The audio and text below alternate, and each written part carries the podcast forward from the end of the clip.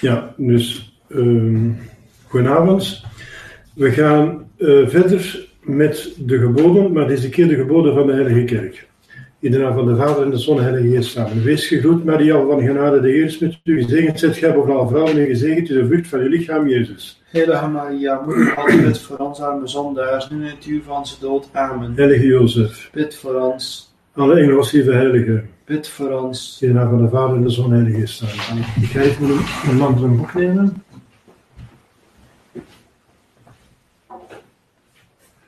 Dus de geboden van de kerk. Eh,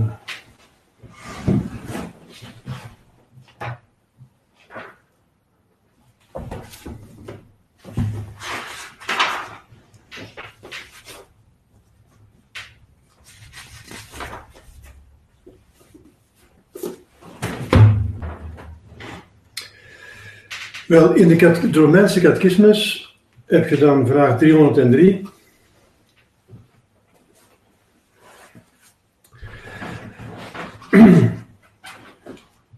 De vijf geboden van de Heilige Kerk. Wel, de geboden van de Heilige Kerk zijn eigenlijk eh, geen supplementaire geboden, in strikte zin van het woord. De kerk gaat niet nog het moeilijker maken voor ons dat God ons vraagt te doen en niet te doen. Maar het zijn geboden die eh, de tien geboden eigenlijk ondersteunen. En ook eh, wat de kerk mag regelen en moet regelen, dat het daar geregeld wordt. Want Petrus heeft van Jezus de macht gekregen om eh, de mensen te hoeden. Dus zoals een herder zijn kudde moet hoeden. De, de kerk heeft drie opdrachten gekregen. Ga en onderwijst. Dat is wat ze moeten kennen, de mensen, om naar de hemel te gaan. Leer ze onderhouden de geboden, dat is wat ze moeten doen, daar zijn we nu mee bezig. En eh, doop ze, dat is de middelen geven om dan eh, goed te geloven en te doen. Wat Jezus vraagt om naar de hemel te gaan. Dus de hulp die we krijgen van God. Wel, we zitten in het tweede gedeelte dus eh, van die opdracht die Jezus aan de kerk gegeven heeft. Van leer ze onderhouden wat ik u geboden heb.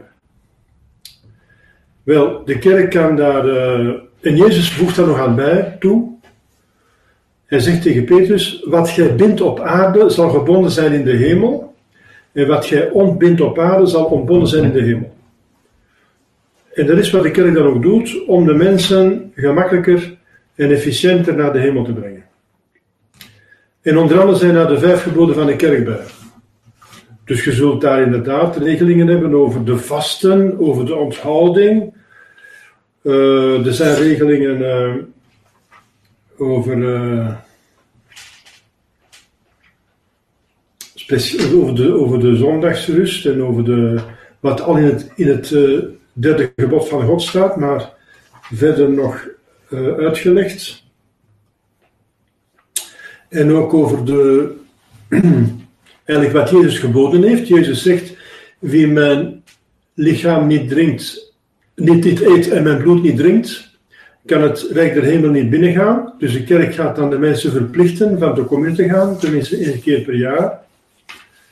De mensen moeten ook eh, in staat van genade zijn om naar de hemel te gaan. Zonder mij kun je niks doen. Dus de kerk gaat de mensen dan eigenlijk verplichten om in staat van genade te zijn. En dan één keer per jaar de mensen verplichten om te biechten, tenminste één keer. Ziet je dus in die zin dat de kerk dan nog vijf geboden heeft eh, uitgevaardigd. Sommige catechismes spreken van zes geboden.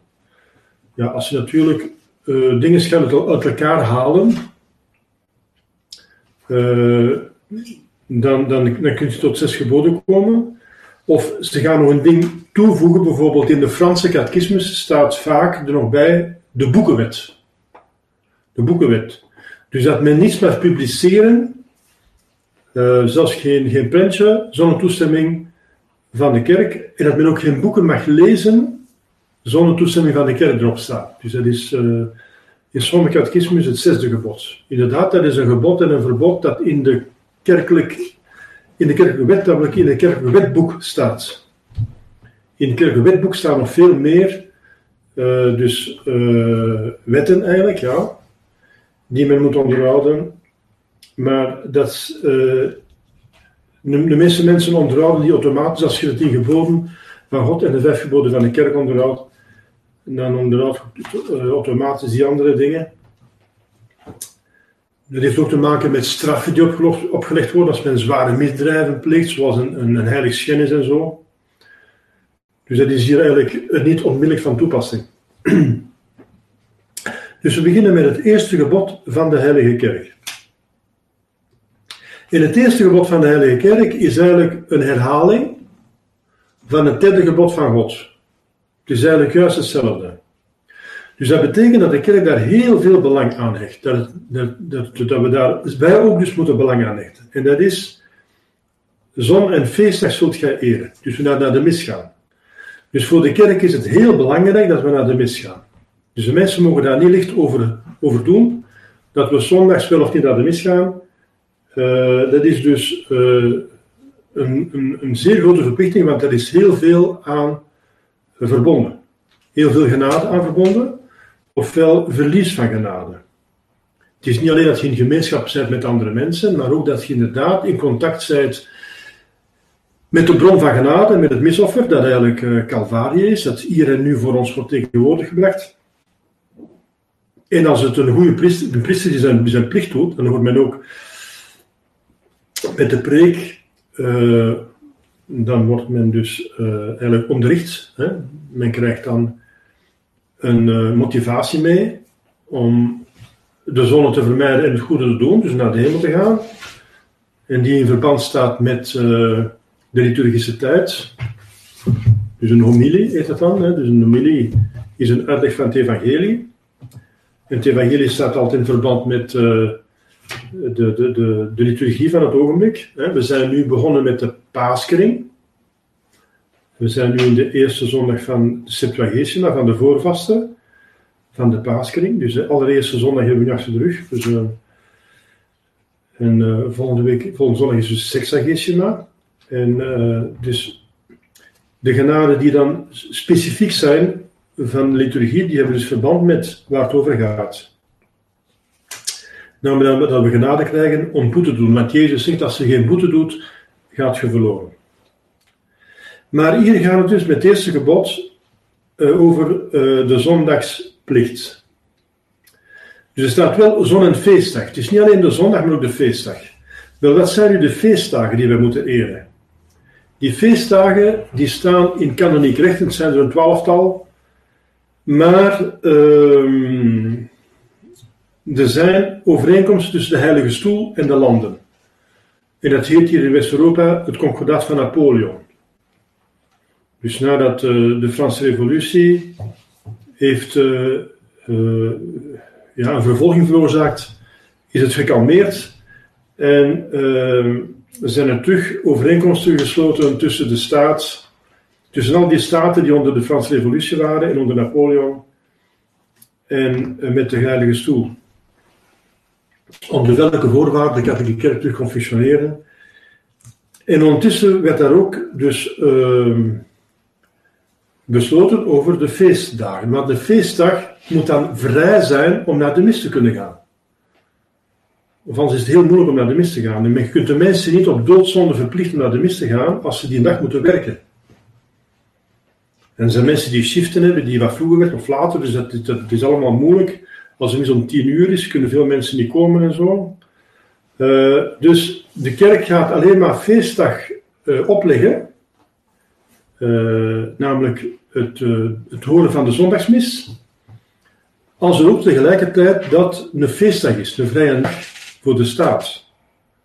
Dus het concordat van Napoleon onder andere ging daarover welke dagen zijn dan vrije dagen waar iedereen dus vrij is dat er niet gewerkt mag worden. Buiten de zondag. Wel, dat zijn er nog maar vier eigenlijk, hier in België. Uh, in Nederland ook. Namelijk, dat is buiten de feesten die op zondag vallen, die, die, tellen, dus die zijn automatisch dan uh, uh, zo, dat, dus, die, vallen automatisch, die krijgen automatisch verplichting van de mis te gaan, maar die vallen op een zondag, zoals Pasen valt altijd op een zondag, Pinkster valt altijd op een zondag. Dus, dit, dat, dus dit gaat er niet over, maar het gaat over feestdagen die buiten de zondag vallen en die in de week kunnen vallen of vallen. Dat is ten eerste ons Heer Hemelvaart. Dat valt altijd op een donderdag. Hm? Dus Hemelvaart, dat is uh, vier dagen na Pasen. En dan ten tweede onze lieve vrouw ten hemelopneming. Dat is de 15 augustus. Dat kan op een zondag vallen, maar niet noodzakelijke wijze. Eén kans op zeven valt dat op een zondag en zes kansen op zeven valt het in de week. En dan is het een verplichte feestdag. De 1 november hetzelfde, dus dat kan op een zondag vallen of niet. Dat is Allerheiligen, moet men naar de mis gaan. Dat is een geboden feestdag. En kerstmis. Kerstmis. Dus uh, in kanoniek recht staan er veel meer, zoals uh, de 1 januari, het feest van de naam van Jezus, en dan Drie Koningen en Sint-Jozef van de 19e maart, en Sint Petrus en Paulus, en het feest van het Heilig Bloed. Er staan er veel meer in kanoniek recht, maar die zijn niet verplicht um, wegens het concordaat van Napoleon. Dus de paus heeft dat ontbonden voor ons. Dus er zijn buiten de zondagen nog vier feestdagen waar we moeten uh, de zon, dus, dus de, de, ja, de, zoals de zondag moeten heiligen. Dus, zon, dus de, de, de, verplichting van naar de mis te gaan, dat zullen ze zien. En het verbod van slavelijke werken, dus van handel en bij te verrichten. Dus ik herhaal het, vier dagen buiten alle zondagen van het jaar. Ons Heer Hemelvaart, onze lieve vrouw ten alle heiligen en kerstmis. Dat zijn die zon- en die feestdagen die wij moeten eren. Waarom zijn we verplicht de geboden van de Heilige Kerk te onderhouden? Dat is de eerste vraag die de catechisme stelt, dat is nummer 303. Wel, omdat ze gegeven worden door de paus en de bisschoppen die ons in naam van Christus besturen. Ja, dat heb ik in het begin uitgelegd. Dus paus heeft uh, de macht gekregen, Petrus en de apostelen. Dus de opvolgers daarvan zijn de paus en de bisschoppen. Die hebben dus de opdracht gekregen van de mensen te hoeden, te wijden. Hm? Zoals een kudde. En de schapen moeten luisteren naar de, naar de herder. En Jezus zegt, wie u aanhoort, aanhoort mij. Wie u verwerpt, verwerpt mij.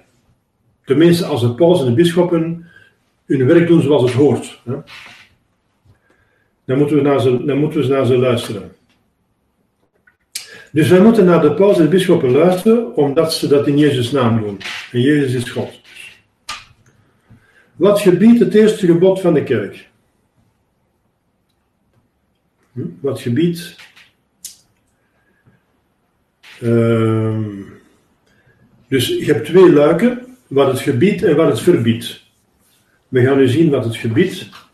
Wel, zoals ik zei daar straks, het eerste gebod van de Heilige Kerk gebiedt zondagen en geboden feestdagen mis te horen en de zondagsrust te onderhouden. Dus het zijn geboden feestdagen, hè, zoals ik zei, de feestdagen dat men verplicht is naar de mis te gaan en dus inderdaad de zondagsrust onderhouden. Het zijn geboden feestdagen, er zijn er vier. Dus twee dingen. De mis te horen en de zondagsrust te onderhouden.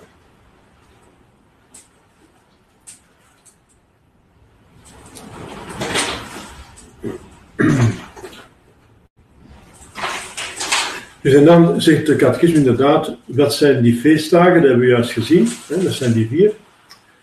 En dan, wie moeten dan de mis horen op zondagen en geboden feestdagen? Moet bijvoorbeeld een zuigeling daar ook aanwezig zijn? Of een seniele mens moet die ook aanwezig zijn? Wel, het gezond verstand, uh, dat zegt u al dat dus dat niet nodig is voor die categorie van mensen. Maar in principe dus, wie moeten de mis horen en op zondagen en geboden feestdagen? Alle gelovigen, alle gelovigen, dus zelfs de catechumenen die niet gedoopt zijn, maar die bijvoorbeeld zich voorbereiden op het doopsel, die moeten ook de mis volgen. Uh, alle gelovigen die hun zevende jaar voluit hebben. Dus de kerk beslist, vanaf zeven jaar zijn ze verplicht. Dan namelijk het gebruik van het verstand. Uh, want anders weten ze niet wat er gebeurt.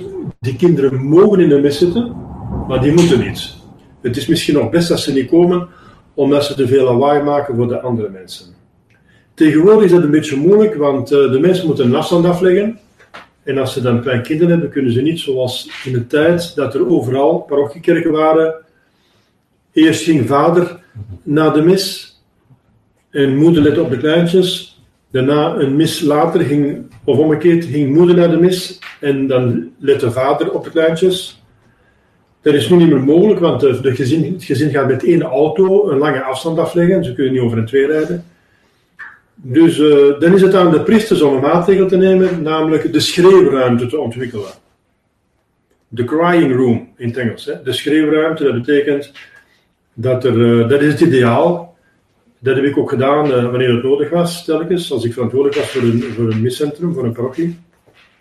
Dat ik dus aanpalend aan de kerk een ruimte organiseer met een dubbel glas, waar de moeders zitten met de schreeuwende kinderen en die kunnen dan de mis wel volgen. Maar wij horen ze niet schreeuwen, want er is een dubbel glas. En er staat een luidspreker bij hun, dat ze kunnen horen wat er gebeurt. En zo, kan, kunnen ze de mis volgen en horen. En op de kinderen letten tegelijkertijd, voor zover dat mogelijk is, allemaal. Maar in ieder geval, dan, zo goed en zo kwaad dat kan, kunnen ze dan toch wel de mis volgen. Een andere oplossing is dat uh, er iemand is die zich opoffert en die twee, twee missen uh, volgt, als er twee missen zijn. Pardon, die naar één mis gaat, bedoel ik, uh, als er twee missen zijn. En die bij, dus een, een stille mis, bijvoorbeeld een ochtendmis om 8 uur, en die bij de grote mis van 10 uur, waar iedereen komt, dan op de kinderen gaat letten in een speciale ruimte. Dat kan ook. Maar daarvoor heb je dus een parochie nodig waar twee missen dus gebeuren en niemand die daarvoor ter beschikking is. Er zijn oplossingen voor. Dus, uh, maar in principe moeten de kinderen die geen zeven jaar hebben, moeten niet de mis volgen. Dus vanaf zeven jaar, zegt de kerk, dus vanaf de jaren van verstand. En ook andere categorieën zijn niet verplicht, namelijk de zieken en mensen die een andere goede reden hebben. Een goede reden. Bijvoorbeeld, je bent in pan gevallen met de auto, ja, overmacht. Hè? Dus uh, wet. Uh, men moet werken, men is een dokter, een verpleegster.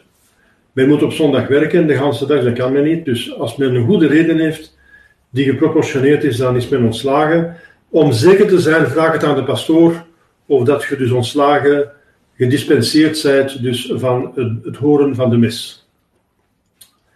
En dan de volgende vraag is, hoe moeten we op de geboden dagen en dus de, de zondagen de mis horen? Wel, we moeten een gehele mis horen. En we moeten doen met eerbied en namen. Dus niet alleen ons lichaam moet daar aanwezig zijn, maar ook onze ziel. Dus als je daar lichaam aan bezig is, maar je zit dan aan andere dingen te denken, je zit er naar je, je gsm te kijken, dat, dat, dat telt niet als de zondagsmis. Dus het is een zware verplichting op staf van doodzonde. Dus uh, moet toch uh, in de hele mis volgen. Als men dus ja, door zijn fout te laat is, ja, waar is de grens? Wel, uh, als men het evangelie mist, dan, mist men dan heeft men de mis niet gehad.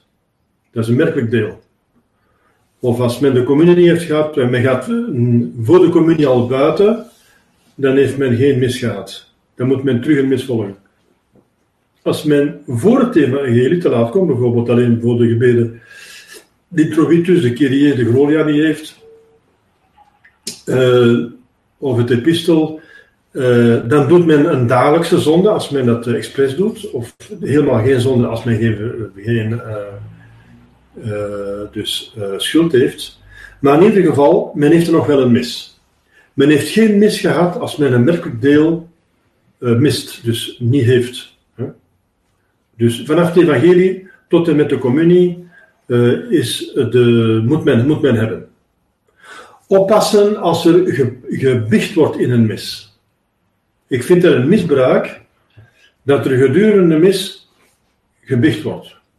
Dat zit je soms in, in grote kerken met heel veel mensen, dat een tweede priester de bicht wordt. Dat kan voor en na de mis, maar onder de mis is een, is een, is een misbruik. Maar stel je voor dat je onder de consecratie in de biechtstoel zit. Heb je geen mis gehad? Dat, dat klopt niet. Of dat je onder het evangelie in de biechtstoel zit. Bichten is niet mishoren. Het is het een of het ander. Er staat in de verplichting mis horen, niet bichten. Natuurlijk moet je ook bichten, maar je moet dan op een andere keer gaan. Dus niet onder de mis bichten. Voor of na de mis, of op een ander ogenblik, ja. Dus het is een misbruik dat priesters de bichten uh, onder de mis en dat de mensen dus een stuk van de mis niet hebben. Vooral als het een merkelijk deel is, dus vanaf evangelie tot aan de onze vader, dan is het helemaal uh, niet in orde. Dus men moet dan gewoon een afspraak maken in de week of vroeger komen. Uh, ja, er is niks aan te doen. Hè. Dus, het is nu eenmaal zo, men moet de mis volgen. Hè. En de biechtstoel, de biechtstoel is geen, de biecht is geen mis en de mis is geen biecht. Dus er zijn twee verschillende, dat zijn twee andere Twee verschillende sacramenten. Uh, met eerbied en aandacht. Ja, dat betekent het ideaal is het missaal. Volgen in het missaal, maar dat is niet verplicht. Uh, is wel verplicht als de missenaar belt, want daarvoor het juist het belken van de missenaar, om uw aandacht te hebben bij het altaar.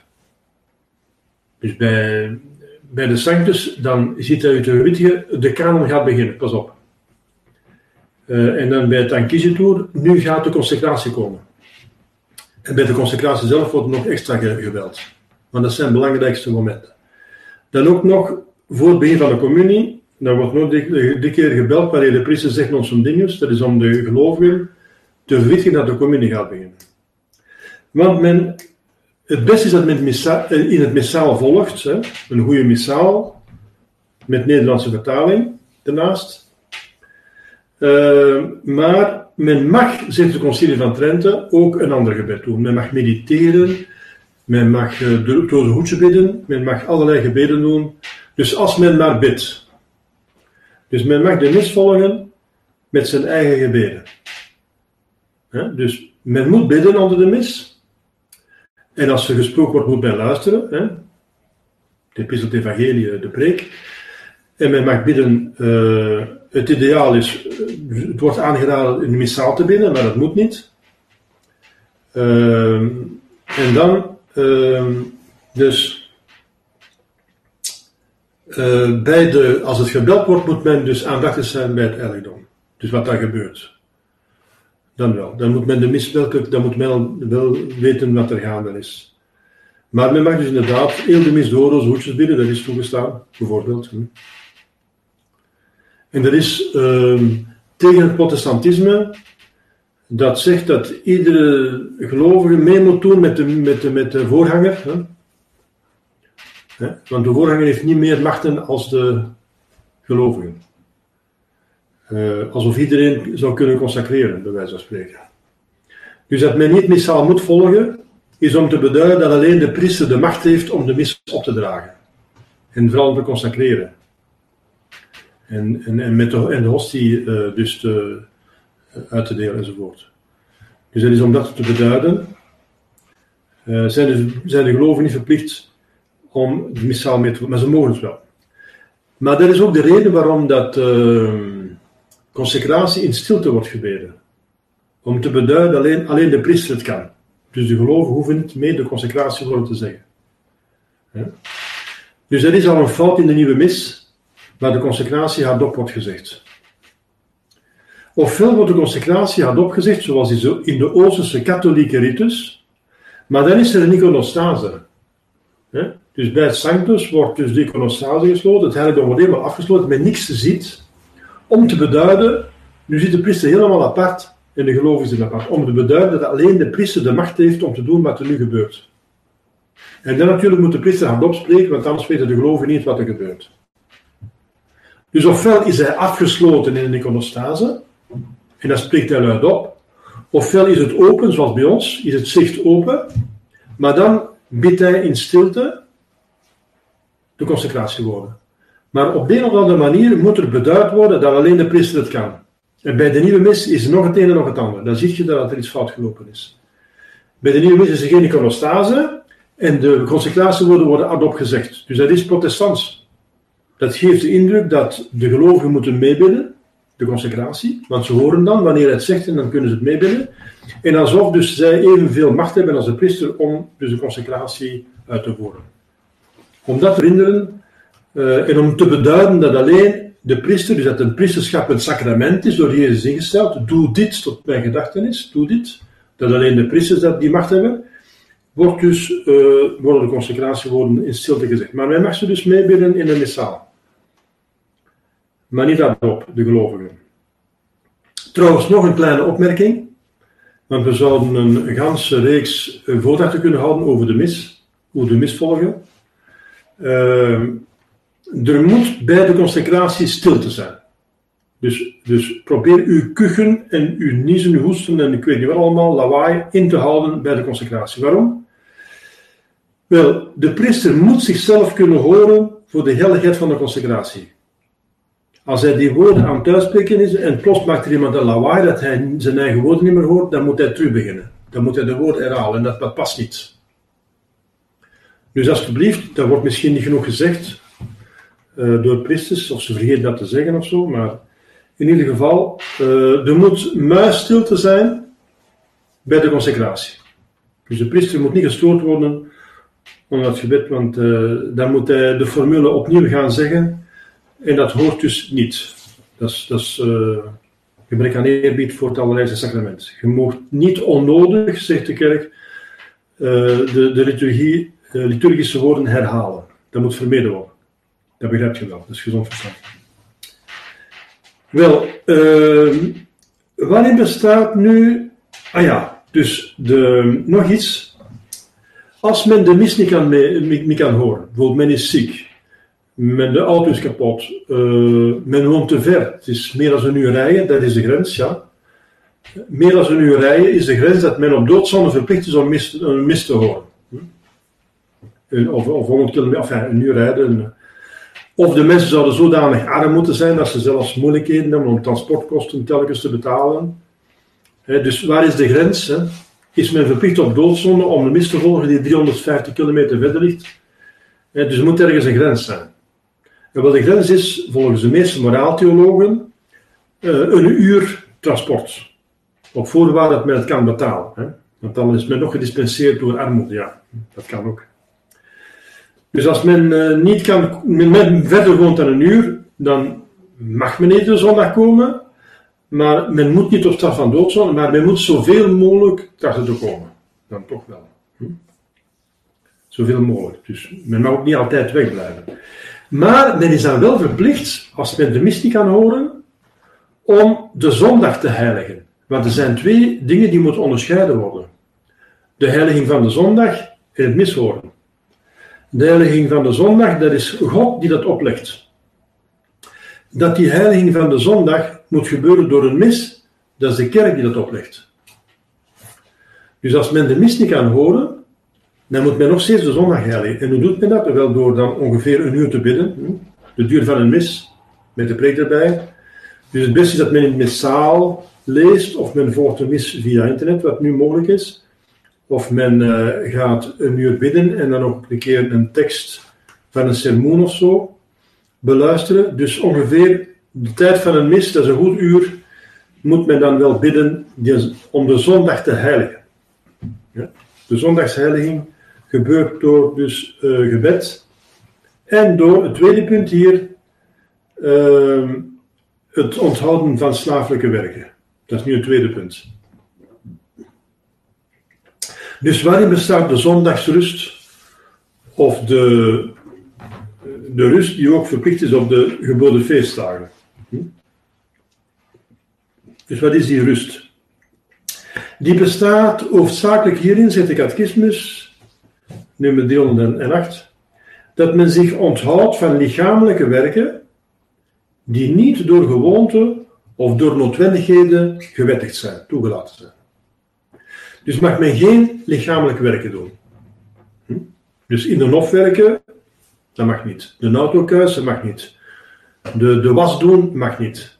Enzovoort. Dus lichamelijke werken. Wel geestelijk werk, bijvoorbeeld mag een brief schrijven of zo, waar de geest bij nodig is. Studeren, boekhouding doen, dat mag eventueel wel. Hm? Dus mag geen lichamelijke werken.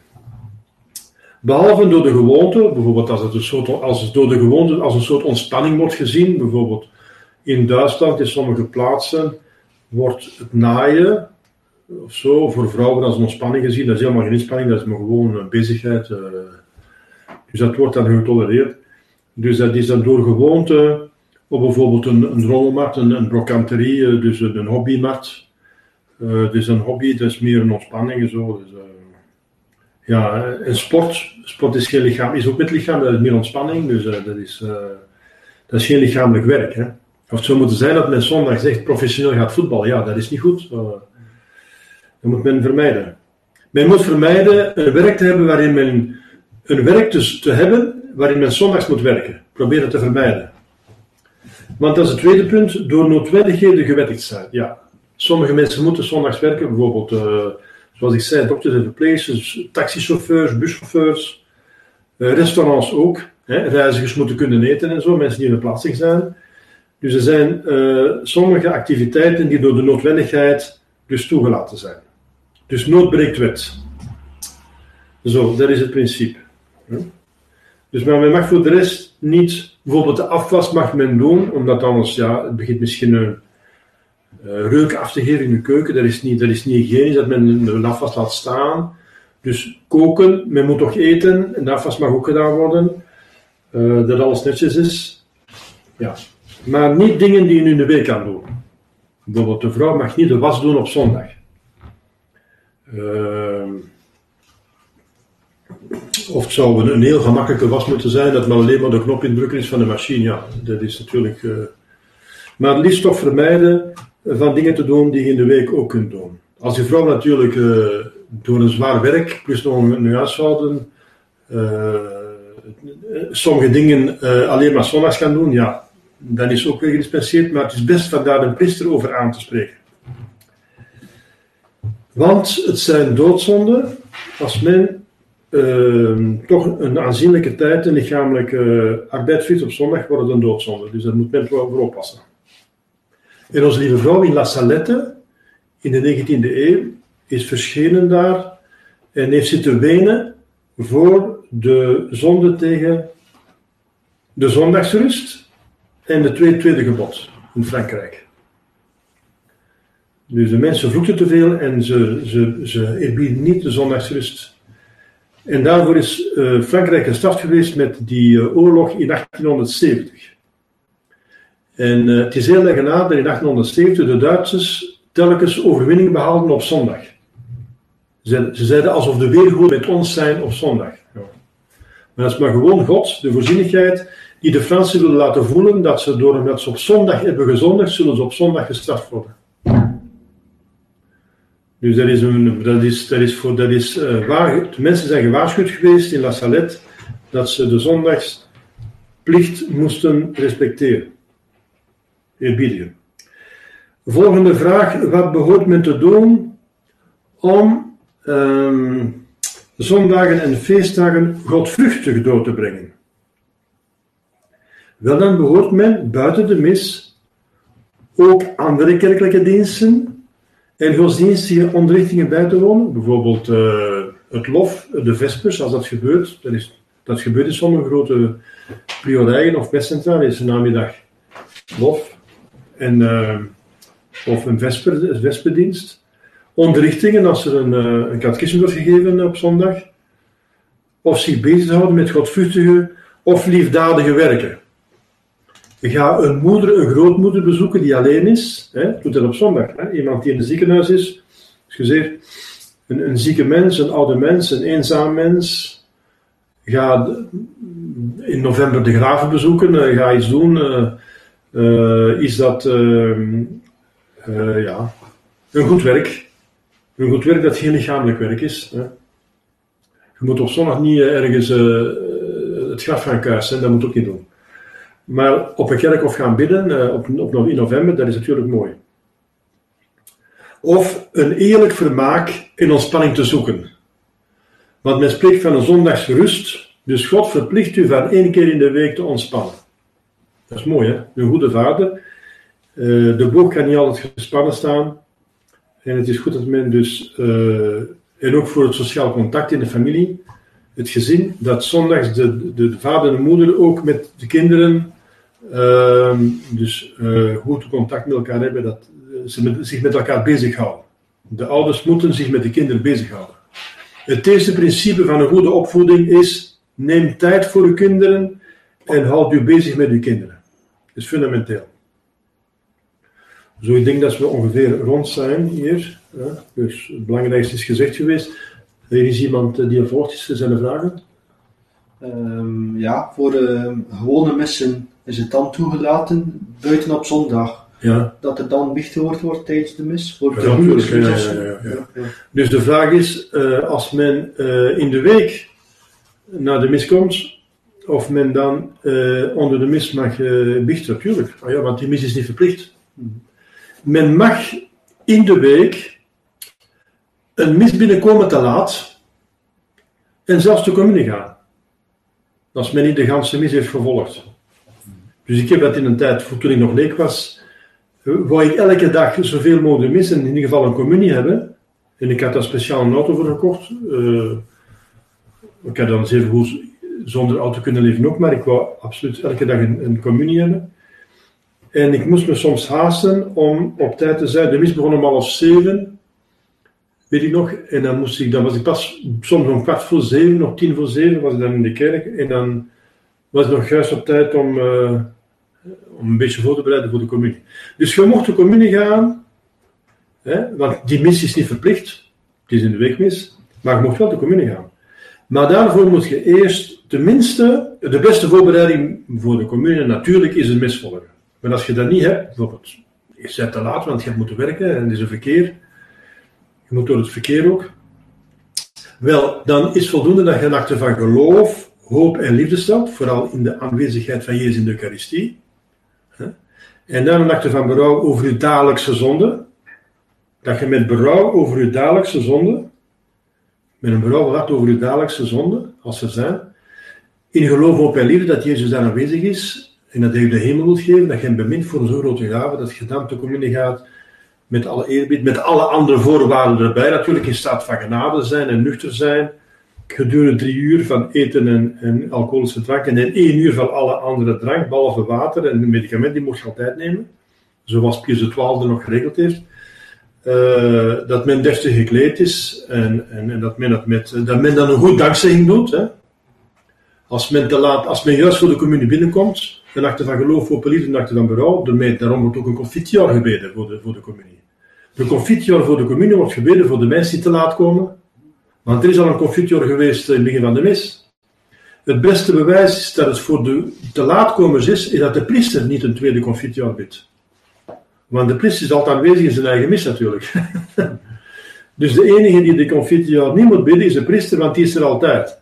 Maar er is een tweede confitior, eh, eh, tenminste bij de mis eh, voor eh 63, want in 63 is het niet meer verplicht. Eh, wij doen het dan wel, dat is een gewoonte, dat mag. Hè. Eh, juist van de te laatkomers, eh, ook wel eens in de zondagsmis zijn het te laatkomers. Eh, bijvoorbeeld als ze niet door hun schuld te laat zijn.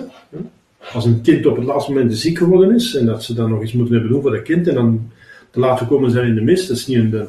Wel, dan mogen ze toch de communie gaan, maar daarvoor is er een tweede confiteor, omdat men absoluut met berouw over zijn dagelijkse zonde te communie mag gaan, moet gaan. Men moet berouw hebben over de dagelijkse zonde, want anders is men oneerbiedig. Dus geen doodzonden die niet gebiecht zijn. Eh, en dan berouw over de dagelijkse zonde. En dan, en dan eh, een goede dankzegging. Als men dus niet veel tijd heeft gehad voor de communie, dan toch een serieuze dankzegging. Minstens tien of een minuut of een kwartier. Trouwens, het is tien minuten tot een kwartier dat de tegenwoordigheid van Jezus in uw maag is. Hè? Dus de tegenwoordigheid van Christus, de transubstantiatie, die blijft zo lang als de, de uiterlijke eh, fysische eigenschappen er zijn van het brood. Dus als het brood zijn fysische eigenschappen verliest, als het verteerd is, ja, dan gaat ook de tegenwoordigheid verloren. Eh, maar zolang als het fysische eigenschappen er zijn, dan zit het, het ziet eruit als brood enzovoort, dus zolang als het niet verteerd is door de maag, is uw maag een tabernakel. Dus je gaat niet naar buiten lopen met onze lieve Heer. Een tabernakel loopt niet op straat, dat gaat niet.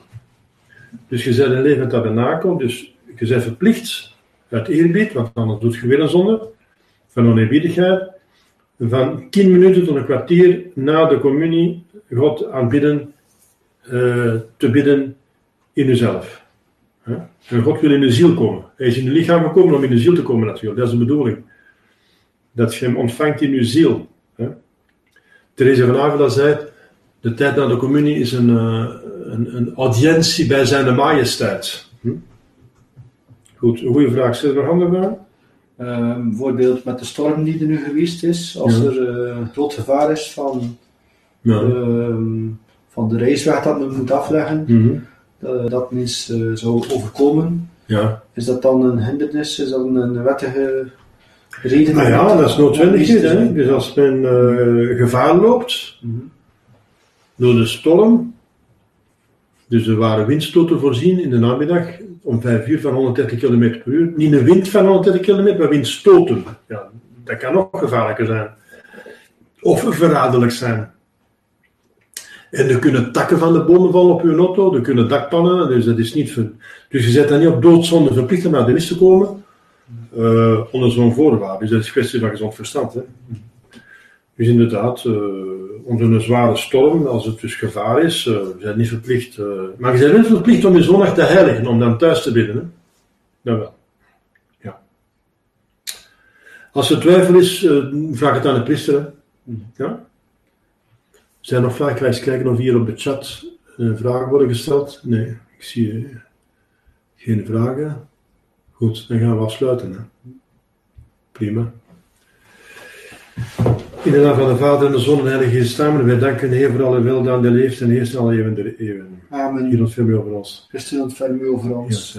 Onze Vader die hemel zijt, gij is uw naam, uw komen, uw geschil op aarde in de hemel. Ons geen ons dagelijks brood en vergeef ons onze schulden, wij ook wij vergeven onze schuldenaren en niet ons in bekoring, maar los ons het kwade. Amen. Heilige Maria, Bid voor ons, Jozef, bid voor ons, heilige onbewaarders, bid voor ons, onze heilige patronen, bid voor in de naam van ons. de Vader en de Zoon Heilige Geest. Amen.